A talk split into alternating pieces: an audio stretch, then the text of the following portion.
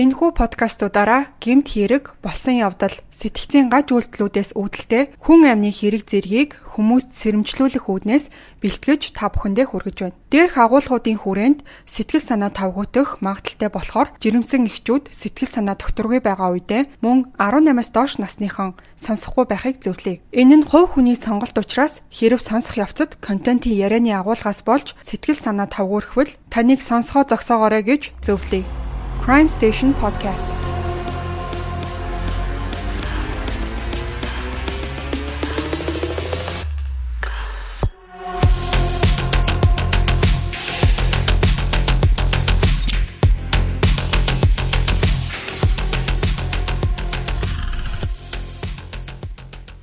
Сайн байцгаана уу сонсогчдоо. Уламжлал ёсоор хагасан өдөр бүр танд хүрдэг сонин содон болсон явдал болон гимтгэргийн түүхүүд маань танд одоо хүрэхэд инхүү бэлэн болсон байна.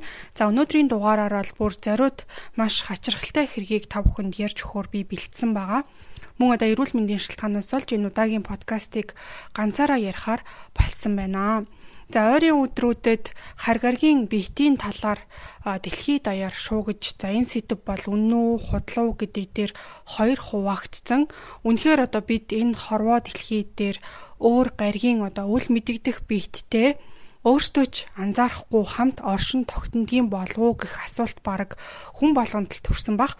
За өөрсдийн нүдээр хараагүй зүйлдээ итгэмээргүй байгаа ч гэсэн улс орны одоо бүхий л томоохон мэдээллийн хэрэгслэр харгаргийн биетийг одоо үнэн болохыг нь баталж ярьсан болохоор за энэ удаагийнхаа дугаараар нэг маш одоо учир битүүлэг болсон явдлыг танд ярьж өгөхөөр бэлдсэн байна. За тэгэхээр энэхүү учир бүтүүлэг явдлын хачирхалтай хэсэг нь хамгийн сүүлд яригдах учраас та бүхэн дугаараа дуустал нь сонсохыг хүсье. 1980 оны 6 сард Английн Tingley гэх газар болсон үйл явдлыг одоо өгүүлэх болно. 56 настай Zygmunt Adamski буюу Зиги гих нэрээр нь одоо гэр бүлийнх нь дууддаг эрэгтэй гэртээ эхнэр болон өөрийн одоо үеэлтэйгээ хамт өдрийн хоол идэхээр болсон байгаа. Тухайн өдөр бол 6 сарын 6-ны өдөр байсан бөгөөд Зигигийн хувьд энэ өдөр бол сэтгэл санааны байдал нь нэлээд одоо тавгүй өнгөрсөн. Учир нь гэх юм бол яг маргааш нь Зигигийн одоо загалмайлсан охиных нь хурим нь болох гээд тэг яг л одоо өөрийн төрсөн охин шигэ өсгсөн болохоор тэр охиноо одоо хүнтэй суугаад яваад өгнө гэж бодхоос сэтгэл нь бол твтгэхгүй байсан маа. Зиги болон эхнэр хоёр нь эрүүл мэндийн асуудлаас болж хүүхэдтэй болж чадахгүй явсаар өдийг хүрсэн болохоор одоо загалмайлсан охиноо маргааш нь болох одоо хурман дээр хурмын ордны гол замаар хөтөлж авах хүн нь Зигигээд тогтчихсон байсан. За хэдийгээр хурам болдгороо болж бүгд л аз жаргалтай байна гэж бодсон ч гэсэн бүх зүйлийг одоо энэ ингэн тэр тэгн одоо миний хэлэх үгс бол ийм байна. Хурман дээр тийм юм дутуу байгаа гэх мэтэр одоо бодож явсаар агаад эцэст нь бол иннээсээ болж стресстэйд тэгээ дээрэс нь ядчихад нөгөө 6-ны өдөр бол хамт хоол идэхжсэн үеэлтэйгээ маргалдаад заримдаа ингээд яаж одоо загалмаасаа охинтой нь ингээд хүндэтгэлгүй харилцаж байгаа талаар ярьж хэрэлдэж ингээд учир нь олдохгүй бүх зүйл ингээд эмх замрааг болсон. За тэгээ байжсэн чинь Зики яг маргаашийнх нь хурмын зоогонд хүнс цуглуулахдаа төмс авахаа мартцсан байсан гэдгээ санаад маргааш эрт авчиж болох байсан юмыг нөө баахан стресс маргаанаас болоод ч тэрөө ямартаач энэ гэрээс гарыг ерөөсөө одоо гарч яваад дэлгүүр ороод аваад ирья гэж шийдээд гарахаар болсон юм. За тэгээ нэг тор тэгээ бэлэн мөнгө аваад бол тэр гараа явсан Тэдний амьдардаг Tingley гих тосгон нь бол яг үнэндээ тийм маш тайван Зиги тэр тосгонд бол дэлхийн 2 дугаар дайнаас болж Польш улсаас цухтаж тэнд очоод сууршиж амьдрах болсон юм байна. Тэгээ тухайн тосгон нь бол аюулгүйгээс гадна хүн амьдрахад хамгийн тийм тохиромжтой жинхэнэ хүсэн хүлээсэн газраа олчлоо гэдгээ мэдрээд Зигэч одоо Английн одоо иргэншил аваад бүр одоо нүүрсний уур хачин болж энэ мэрэгчлэрээ тэр 27 жил тасралтгүй ажилласан юм байна. За эхнэр Лотигийнх нь хувьд бол ажил хийдэггүй гэртээ байдаг. Учир нь бол эхнэр нь склеростой гэсэн оноштой болохоор ажил хийх бол боломжгүй гэртээ тэгээ тэрэгэнцэрт суудаг болсон юм байна. Зигийн тэр өдөр явсан дэлгүүр нь бол гэрээс нь өрдөөл одоо 3 блокийн зайтай. Тэгэд гэрээсээ одоо гарч яваад төмсөө авчаад буцаад ирэхэд хэдхэн л минут уг нь бол болох хэвээр. Ерөнхийдөө одоо үсрээл 10-аас 15 минутын дотор тэр бол ингээд буцаад ирнэ гэж ихнэр нь болон одоо нөгөө үеэл нь бодож исэн маа. Гэхдээ харамсалтай нь Зиги бол буцаж ирээгүй Эхнэр нь Зигийг хизээч одоо ямар нэг зүйл хэлэхгүйгээр зорилгоо өөрчлөөд өөр тийшээ ингээ хазаагаад явах хүн биш. Яг л одоо хэлснээ хийгээл яг таг байдаг хүн. Тэгээ дэлгүүрт очиж ингээ төмс авчаад ирэх гэсэн хүн ингээд ирэхгүй удаад байгаа нь яавч одоо Зигийн хийх үйлдэл биш гэдэгт бат итгэлтэй байсан. За ингээд Лоти болон Уел хоёр нь ямар тач дэлгүүр рүү эхлээд яваад үзье. Зиги ядчихад бол нүүрсний үйлдвэрт бараг 30 гаруй жил ажилласан. Тэгээд одоо уушх нь нэлээд тийм асуудалтай болсон болохоор заримдаа ингээд амьсгалахад хэцүү болчдөг. Аа тэгээд замдаа явж агаад ямар нэг одоо эрүүл мэндийн асуудал болоод энэ тэнд унцсан ч юм билүү гэж ботсон юм байна. За тэгээ гарч яваад нөгөө дэлгүүрт л атсан. За тухайн дэлгүүрийн эзэн бол Зигийг үнэндээ дэлгүүрт нь орж ирсэн. Тэгэд худалдан авалтаа хийчээд буцаад гараад явсан гэдгийг нь хэлсэн юм байна. За нөгөө үеэл нь бол бүр гайхаад сая одоо ирж явахдаа замдаа одоо энэ тент байхад нь би ингээд хараагүй өнгөрөөч хүүгээд буцаж гэрлөө налхаж одоо байж болох бүхий л газраар хайж бүр таарлцсан хүн бүрээсээ асууж эцэст нь бол хідэн цагийн туршид хөршийн одоо бусад айлуудаас ч гэсэн Зигийг харсан эсхийг нь асуусан боловч Зиги яг л одоо усанд хайсан чулуу шиг ор сороггүй алга болсон юм байна. Эхнэр нь бол цагдаа руу дуудлага хийж болсон бүх үйл явдлыг ярихад яг тухайн үедээ бол цагдаа нар хүч гаргаж олон хүн хамруулсан хайлт шууд хийх боломжгүй. Нас биеинд хүрсэн хүн гэрийнхээ одоо ойр хаваар явж агаад алга болсон болохоор хайлт хийхээс өмнө эхлээд бол гэрт нь очиж хид хідэн асуултуудаа ямар тач хариулт авахар болсон. Зиги яг үнэндээ бол олон жил ажилласан ажилласаа гарч тэтгэвртэй суух бодолтой байсан юм билээ. Тэрнээс гадна ядчихад яг тэр өдөр нь айгүй их тийм стресстэй үеэлтэйгээ чихэрлдээд маргааш нь одоо хурим гээл баахан юм асуудлуудтай тэгснэ эхнэр нь бол тэрэгэнцэртэй болохоор байнгын одоо асаргаа сувилгаа шаардлагатай байдаг гэх мэт энэ бүх мэдээллийг нь харсан ямар ч хүн бол ер нь зигийг өөрөө баг энэ амьдралаасаа ингээд залхаад цухтаацсан биш үү гэж бодогдохоор үйл явдлууд ар араасаа тохиолдсон байсан. За цагдаа тэгээд үеэл эхнэр хоёрт нь ингэж хэлсэн маа За өнөөдөртөө ямар тач гэртээ байгаад буцаж ирэх нү хүлээцгээчгээ. Маргааш ингээд чухал хүнийх нь одоо хурим болох ч байгаа болохоор эсвэл маргааш шууд тэр хурман дээр нь хүрээд ирэхийг хинч үгүйсэхгүй гэсэн маа. За ингээд тэр өдөрч гэсэн одоо гэрийнх нь бол хүлээсэн. Маргааш хурман нас ингээд болцсон байгаа. Тэгээ Зиги бас л ирээгүй. За тэгээ эхнэр нь бол яа харахгүй ингээд Зигид ямар нэг муу юм тохиолдсон юм шиг байна тэр хизээч одоо ийм үйлдэл гаргах хүн бишгээд бүр хав ойрын одоо бүхэн хамаатан садан тэгээд одоо цагдаа туршилт дахиж мэдэгдэж одоо эрэл хайгуулын ажлыг томоор эхлүүлэхээр болсон юм байна. Харамсалтай нь Зигигээс ямар ч уул мөр олдоогүй. Хүний урманд ингээд дэлгүүрийн хүн орж ирэхийг нь харсан гэхээс өөрөөр бол энд тэнд явж байгааг нь харсан ямар ч хүн байгаагүй. За ингээд Зигийг алга болсноос 5 хоногийн дараа буюу 6 сарын 11-ний өдөр Trevor Parker гэх залуу Todd Morton-д байх одоо аавынхаа ажилдаг нүүрсний талбайд ажиллахаар болсон юм байна. За тэгээд тухайн талбай нь бол тийм төмөр сараалжин хашаагаар тусгаарлагдаад яг одоо тусгаарласан хашааных нь хажуугаар вагоны зам болон одоо машин тийм том тэрэгний замтай. За тэгээ хашаан дотроо одоо уул аваа шиг болгоод тасгацсан тийм одоо их нүүрс гол хэсэгт нь болохоор жижигхэн тийм ажлын байр бүхий тийм нэг дүр зурагтай одоо талбай юм байна. Trevor болохоор тэр өдөр ажлын байран дээрээ ирээд бүхий л зүйл одоо үүрээр орсон борооноос болоод норчгсон байгааг бол олж анзаарсан. Тиймээс хашааны эргэн тойрныг анхааралтай ажиглаж борооноор одоо нүүрс нь хальж даваад одоо асгарчаагүй байгаа гэдгийг нь бол харчаад ажлын одоо жижиг байшин руугаа явж орсон маа. Хэсэг хугацаанд бол бичиг цаасны ажилтай зууралдж агаад өдрийн цайны цагаараа гарч ойрхон байх одоо нэг хоолны газар руу явахар шигдсэн. За тэндээ нэлээд хэдэн цаг болоод 3 цаг 45 минутын үед буцаж ирэхэд бол бүхэл зүйл нь урдны хിവэрэ харагдсан ч гэсэн овоолостой байгаа нэг одоо нүүрсний дээр нь урд нь тийм харагдаж байгаагүй зүйл байхыг анзаарсан маа. За өглөө анх эрэхтэн л одоо энэ зүйл байсан юм уу үгүй юу гэдгийг нь бол мэдхгүй ямар ч нөгөө одоо 3 м шахуу өндөр одоо овоол остой зүйл рүү нэлээд дөхөж очиод анзаарсан чинь тэнд нэг одоо гутал байгааг бол анзаарсан. За тэгээд тэр их бараа өнгөтэй зүйлс донд гутлнаас гадна нэг хүн хөвтж байгааг нь олж харчаад яг тухайн одоо хашааны хажуудах машины одоо замын ойролцоохон орон хэргүй архичид их байдгийг мэддэг болохоор хин нэг нь одоо ингээд согтуу явж байгаад манайх руу орж ирээд тасраад тэндээ ингээд унтцсан байхаа гэж эхлээд бол ботсон маа. За тэгчээд дээшээ овоолсон нүүрс рүү гарч харъяч гэж юу нь бол ботоогүй ажлынхаа жижигхэн байшин руу буцаж явж ороод ямартай ч ингээд түргэн тусламж дуудъя гэж шийдсэн маа.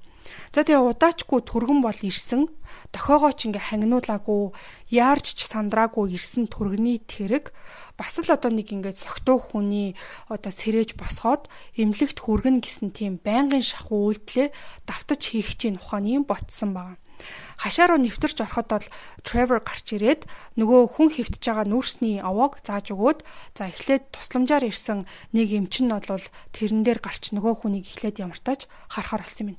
За тэр хүнтэй хамт Trevor нөгөө одоо хүний хажууханд дөхөөд очиход бол тухайн хүн нилээн тийм үнтэйч гэмээр тийм сайн чанарын джинсэн өмд өмссөн байхыг бол анзаарсан. Нөгөө эмнэлгийн ажилтнч ганцаараа бүр хажууд нь дөхөж очсноо. Биеийг нь дээш харуулахаар татсныхаа дараа байгаа байдлыг нь харсан даруйда нүүрнийх нь байдал нь хувс хийгээд явцсан.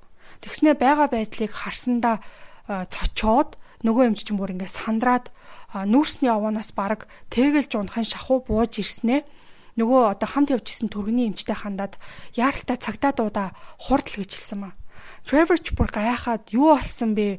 Та нар юу харсан гэж асуухад сандарсан нөгөө хүн юу ч хэлж чадахгүй толгоогоос ихсрээд машин руугаа яваад өгсөн. За Trevor бүр одоо мэл гайхацсан ядж байгаад бас ингээд хэрэгт дурлаад яац юм бол гэд ингээд ойлгохыг хичээсэн ч гэсэн хэсэг хугацаанд бол юу ч хийж чадаагүй. За нөгөө эмчч бол цагдаа дуудаад удалгүй тэр газарт цагдаа нарч бол ирсэн байгаа. За тэгээд тухайн өдөр ирсэн цагдааг бол Alan Godfrey гэдэг. За тэр бас нэг одоо хамтрагчтайгаа хамт хурч ирээд юу болсон талаар асууж Одоо тэр овоолоостой нүүрсэн дээр байх хүнийг харсан, паникт орсон эмч түүнд бол энд ямар нэг таагүй зүйл болсон гэдгийг нь хэлсэн ба. Аллен өөрийн хамтрагчтайгаа хамт тухайн одоо овоолоостой нүүрсэн дээр явж очиод их биеэрээ ингээд доошоо харсан байдалтай хэвтэж байгаа хүнийг олж харсан ба. За тухайн хүн бол маш тийм цэвэрхэн цамцтай, мөн цэвэрхэн үнэтэй гэмээр джинстэй. Тэгснэ хамгийн гол нь хувцс нь бол огт тийм хөө тордог болоогүй байдалтай.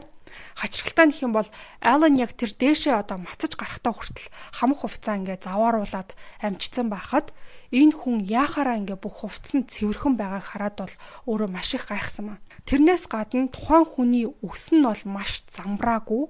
Нэг тийм одоо үсчний хажаар биш өөр юм эв хавгүй зүйлээр юучгүй үсийг нь тастаад хайчилсан юм шиг байдалтай тэгш бус тайраад зарим хэсгийн үсийг нь бүр ингээд хууханд харагдтал ингээд халзалцсан.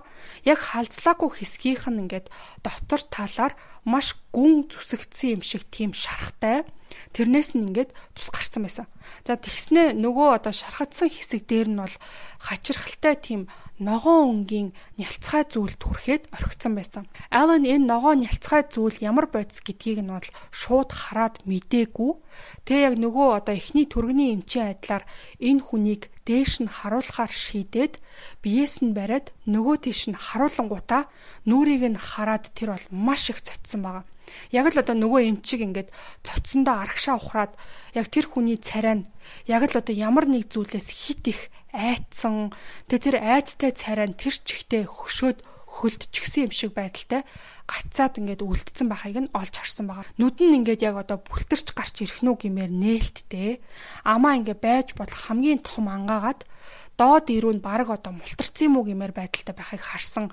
Энэ хүн зүгээр ч нэг одоо согтуу орон гэргүй хүн энд тэндээс хурч ирээд одоо очих газаргүй энд хөвтөөд унтсан биш. Ямар нэг хүчин зүйлээс болж аимшигтэй зүйлийг харсан даруйда үхэтхийж унаад тэр чихтэй одоо орхигдсон юм шиг харагдчихсан ба. За ингээ харамсалтай нь энэ хүн бол алга болоод тав хонсон Зиги мөн болохыг нь таньж чадсан юм байна олж таниад л бол энэ хэрэг дуусаагүй байгаа. Жухамхүү одоо тухайн гэрээсээ гарч явсны дараа түүнд юу тохиолдсон гэдг нь нууцлаг хിവэрэ үлдэж өдий олон жил ямар ч тайлбар дүгнэлтэнд хүрч чадаагүй хоцорсон юм байна. За яг үнэндээ түүнийг одоо энэ өдөр олсон явдал нь араасаа маш их асуултыг дагуулж олон ч хүнийг он удаан жил маш олон зүйл дээр эргэлзээ төрүүлэх үйл явдал болсон юм байна. Зигийг олсон гих одоо Тод Морден гих газар нь болвол Зигийн амьдардаг суйрангаас нь бүр 40 км-ийн зайд оршдог. За тэрнээс гадна Зиги энхүү Тод Морден гих суйранд нэг ч хүн танихгүй. Тэгээ бас тийшээ явах ямар ч шалтгаан байгаагүй Хоёрдугаарт бол Зигэ тэр өдөр дэлгүүр явлаа гэд алхаад гарсан хүн тэр 40 км-ийн зайд байх газар руу алхаж очино гих үндслэл байхгүй юм шиг харагдчихсэн. За тэгээ тийшээ одоо яг алхаад очт юм а гэхэд тухайн нүүрсний хашааны хажуугаар одоо байнга шахуу одоо богоон болон тээвэр хийдэг ачааны машин явж өнгөрдөг. Тэгснээ бүр одоо замынхан цаахан талд нь гэр оронгүй хүмүүс оргондог гэхээр тэр бүх хүн Сигийг одоо нэгэн ч одоо хараагүй байх бараг л боломжгүй байгаа. Хүн огт явдаггүй газар байсан бол одоо хинч хараагүй гэж ойлгож болох юм. Гэхдээ одоо байнга ингээд хөдөлгөөнтэй байдаг хүмүүс одоо нааш цаашаага холхилддаг газар тэг бүр ингээд овоолаастай нүүрсэн дээр цэв цэвэрхэн хүн гарч очоод одоо хөвтсөн байх нь бүрч одоо хачирхалтай байсан маа. Яг л одоо гинет Зиги тэр газар одоо чидийн юм шиг гараад ирсэн юм шиг байдалтай байсан. Өөрөө явж очсон бол ядаж ингээд хувцсан заваартах байтал ямар ч ингээ хөө тортоггүй зүгээр хүн тэнд ингээ чимээгүйхэн авчираад тавьсан юм шиг байсан. За тэгээд бас одоо өргөөд тэнд аваачих юм бол одоо хар ухаанаар ботход хувцсан одоо нүүрсэн дээр чирэгдээд ч юм уу те бохирдсан байх нь ёстой штэ. За бүр өөрөөр авч үзэх юм бол хин нэгэн зигийг ямар нэг шалтгаанаар амийг нь хөнөөчөөд тэр хүн холгсон газар аваачч тавих нь хамгийн ерөөхдөө бол азарна штэ. За ихэвчлэн гемт хэрэгт бол хөнгүү газар ингээд аваачч тавиад хүний хөлнөөс хол газар орхиод хин ч ингээд харагдахгүй өнгөрөөхийг бол боддог. Тэгснээ Зигийн дээгүүрээ өмссөн хантааз тэгснээ пиджак нь болохоор бас Зигигийнх биш өмсүүлэхдээ бүр ингээд яаж хувцас өмсдгийг мэдтгүү хүн өмсүүлсэн юм шиг одоо тухайн хандаацных нь ингээд товчнуудыг нь буруу дээр доор нь ингээд замраагүй товчлоод өмсүүлсэн байсан. Шууд одоо нүцгэн биеийн дээр нь хантаад тэгээд пиджак өмсүүлсэн байдалтай. Тэгээ түрүүн ярьж исэн үсийг нь ингээд хааш яаш хайчлаад зарим хэсгийг нь бүр ингээд онго авцсан. Толгойнхаа ард ингээд том шархан дээр нь ногоо нэлцгаа бодис түрхээ төрөгцөн. Тэр толгойн ард авсан шархан гэхдээ бол гүн байсан ч гэсэн үхэлд хүргэх шарах биш байсан гэж тогтоосон ч гэсэн шархан дээрх тэр ногоо нялцгай бодисл одоо хамгийн ойлгомжгүй зүйл байсан юм байна. За задлан шинжилгээгээр бол Зигийн үхлийн шалтгааныг зүрхний шигдээс байх магадaltaй гэж хэлжсэн ч гэсэн нөгөө нэг ногоо нялцгай зүйл юу гэдгийг хинч тогтоож чадаагүй. За хэд хэдэн удаагийн тест биш бүр одоо хэдэн 10 удаагийн бодис илрүүлэх шинжилгээ хийгээд ч нялцгай ногоон зүйл чухам одоо яг юу гэдгийг хинч дүгнэж чадаагүй. Яг уу ямар тач ингээ Зиги одоо яг тухайн одоо олдсон өдрөө буюу 6 сарын 11-ний өдөр амиа алдсан гэдгийг бол шинжээчэд хэлсэн байгаа. Тэгэхээр одоо 6 сарын 5-наас 11-нд хүртэл энэ өдрүүдэд бол чухам юу хийгээд хаана байсан нь бол огт мэдэгддэггүй.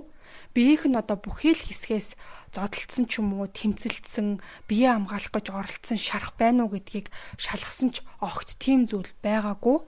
Нуруунд дээр нь харин ийм жижигхэн хэсгийн одоо төлөгдсөн гэмээр тийм шарах байсан нь бол ямар нэг тийм хүчилт төлөгдсөн шарах гэж бол тогтоосон боловч яаж яваад тэндээ одоо ингээ хүчлэр түлэгдсэн гэдгийг нь ч ойлгоогүй байгаа.